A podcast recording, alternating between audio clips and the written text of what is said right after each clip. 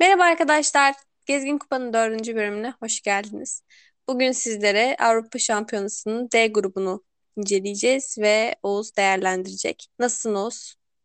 Teşekkür ederim. Sen nasılsın? Ben de iyiyim. İşte D grubunu yorumlayacağın için biraz heyecanlıyım. Bu konu hakkında düşüncelerini çok merak ediyorum. Ee, grubumuzu açıklamam gerekirse D grubunda İngiltere, Hırvatistan, Çekya ve İskoçya var. Ee, genel olarak grubu değerlendirmek ister misin? Vallahi çok keyifli ve çok güzel bir grup. C grubundan sonra biraz ilaç gibi geldi bu grup. Yani nasıl söyleyeyim? Liderlik ve üçüncülük yarışı olarak geçmesini plan yani düşünüyorum bu grubun. Açıkçası iki ayrı güçteki iki ikişer takım var. Tam söyleyebildim mi bilmiyorum ama İngiltere, Hırvatistan başka bir seviyenin takımı, Çekya ve İskoçya başka bir seviyenin takımı gibi geliyor bana turnuva öncesinde. Yani yine kendi aralarında özellikle Çekya ve İskoçya'nın en iyi üçüncüler arasında kalıp gruptan çıkabilmek için kendi aralarında oynayacağı maç çok çekişmeli ve heyecanlı olacaktır. Tabii grubunda baş alt takımları İngiltere ve Hırvatistan'da turnuvada bayağı iddialı takımlar arasında. Şimdi onları da değerlendiririz. Keyifli bir grup yani ben İngiltere ve Hırvatistan'da merakla bekliyorum açıkçası. Pekala. O zaman e, yavaş yavaş bireysel olarak değerlendirelim takımlarımızı. İngiltere'nin şu anki formunun hakkında ne düşünüyorsun? Ya İngiltere son Dünya Kupası'nda yarı final gördü ve bence hiç beklemedikleri bir başarıydı. Açıkçası ondan da biraz şey aldılar. Bir nasıl derler rüzgar aldılar. Aynen yani rüzgar alıp buraya geldiler. Ya o zaman da belli bir dönüşüme giren bir kadroydu ama iyice gençleşen ve nasıl diyeyim çok tatlı bir kadro, kadro geliyor bana İngiltere'nin kadrosu.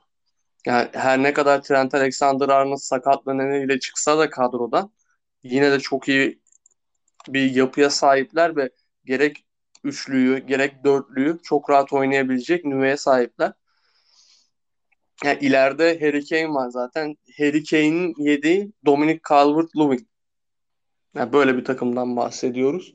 Tabii hocanın en önemli sorunu ileride kimleri oynatacak? Gareth Southgate bunu bekliyor. Yani bu sorunun cevabı bekliyor. Üçlü mü oynayacak, dörtlü mü oynayacak ve ileride kimi oynatacak? Şimdi müthiş sezon geçiren iki genç yeteneği var.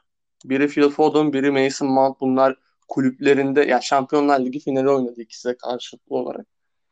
Ama Sterling ve Rashford gibi de amiyane tabirle artık bu seviyelerin kaşarlaşmaya başlayan topçusu var ki Rashford 23 yaşında daha. Çok fazla tecrübesi oldu. Sancho var bak Sancho'yu da daha Sancho'yu ilk defa konuşuyoruz. Dilimize yeni geliyor Sancho. Yani çok tatlı bir kadro. Ben üçlü oynayacaklarını düşünüyorum açıkçası. Son Dünya Kupası'nda üçlü oynamışlardı. Sağ üçlünün sağında Kyle Walker'ın olduğu ve sağ wingback'te Trippier'in olduğu bir üçlü bekliyorum. Herkes Reece James'in oynayacağını düşünüyor ama Kieran Trippier'in serbest atışları kullanmasındaki be- becerisi ve Harry Maguire'ın ceza sahasında o tarz serbest vuruşlarda ortalığı karıştırma yeteneğine Dünya Kupası'nda çok başvurmuştu Gareth Southgate. İngiltere bence turnuvanın ya, ikinci favorilerinden biri diyebilirim. Ne net favoriler ne dark horse'lar yani sürpriz takım konumundalar. Bence ikisinin arasında ve yani her an bir şey yapabilecek takımlar. Takımlardan biri. Yani bence çok iyi durumda geldiler. Yani dediğim gibi Gareth Southgate o kadrodaki dengeyi bulur. iyi bir şekilde kullanırsa yani İngiltere'nin kupayı alması bile işten bile değil. Çünkü müthiş potansiyeller. Pekala. O zaman Hırvatistan hakkında ne düşünüyorsun? Valla Hırvatistan da belli bir dönüşüm içinde açıkçası. Çünkü en önemli oyuncuları yani belki de son 10 yılın en büyük orta sahalarından biri Luka Modric artık 35 yaşına geldi. Yani çok büyük oyuncu. Hala çok büyük oyuncu ama hani o seviyeyi 90 dakika ve bir turnuva boyunca ne kadar korur orası biraz şüpheli.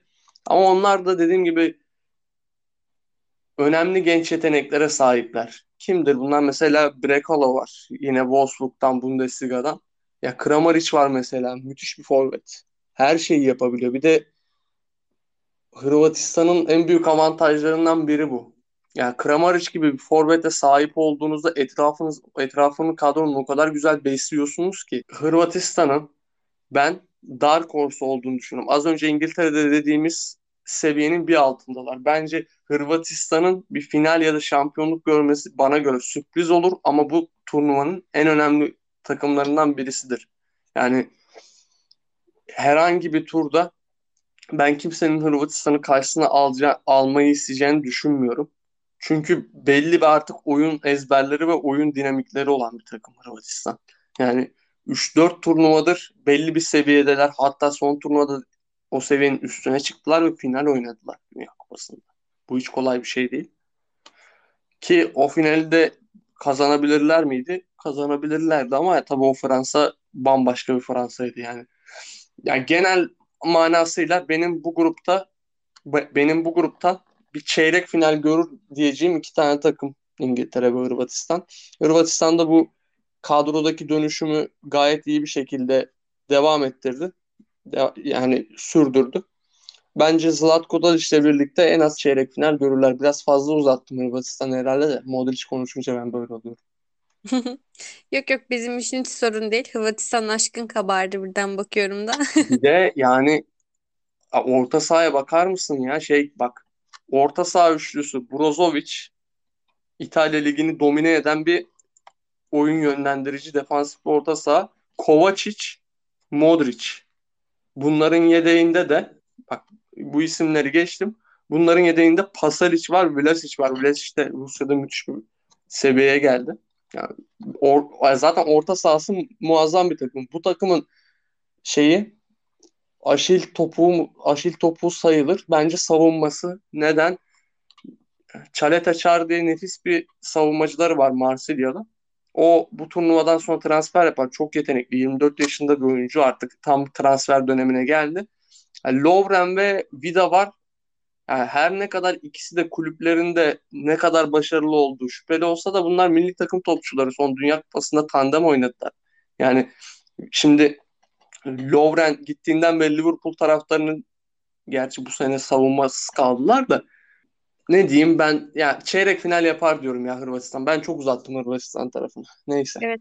Hırvatistan aşkı biraz kabardı. Hadi şimdi sıra Çekya'da. Of. Yine ismi değişen bir ülkemiz daha. Ya bu takım üçüncülüğün adayı ama en iyi üçüncü olur mu bilmiyorum. Yani kadrolarında bir iki tane çok değerli oyuncu var. Ya özellikle West Ham'dan gelen Suçek ve Çufal. E, çok iyi iki oyuncu. Yine Patrick Schick'le Vidra var. Ya bunlar da ileride belki bir şeyler yapabilir ama üçüncü olur bu takım ama en iyi üçüncülerden biri olur mu bilmiyorum. Çünkü üstteki iki takımdan da puan alacağını düşünmüyorum. Çek Cumhuriyeti İskoçya maçı bu gruptaki üçüncünün kaderini belirleyecek. Orada da en iyi üçüncülerden birinin çıkacağını açıkçası düşünmüyorum. Ama genel itibariyle vasat bir takım. Yani çok büyük yetenekleri yok.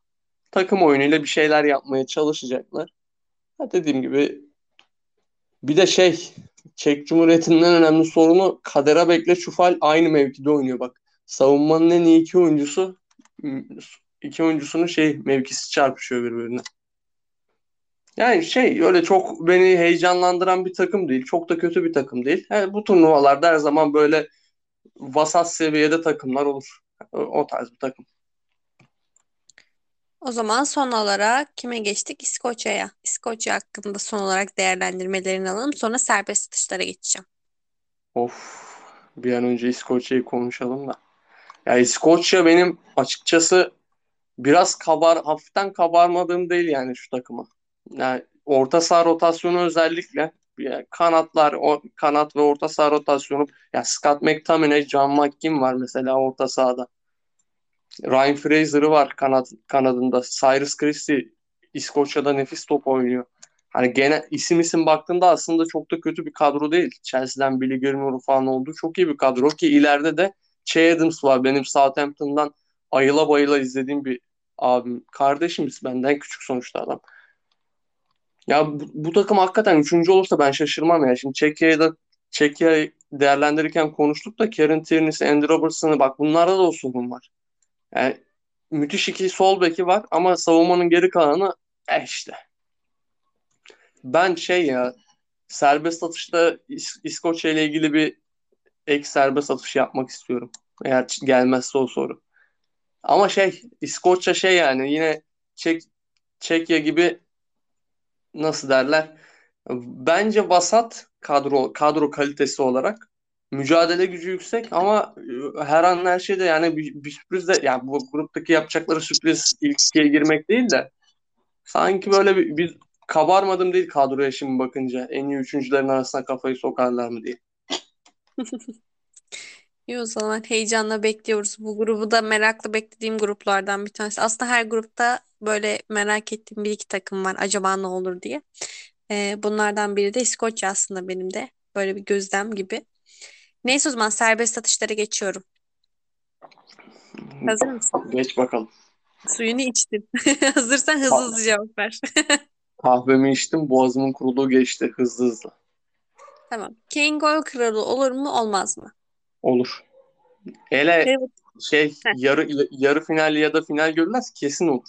Ama burada te- tek tehlike şey ya ben şimdi çok net dedim de Benzema geldi Fransa'ya. Fransa'yı da konuşacağız. Yani Benzema etrafını çok besliyor orada Mbappe acaba bir çıldırır mı dedim de ama olur olur olur.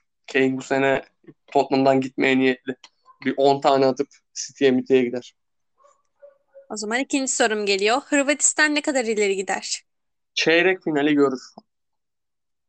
Çeyrek finali görür ya. Bu gruptan çıkar bir turda geçer çeyrek finalde bence toslarlar. En iyi üçüncülerden biri bu gruptan çıkar mı?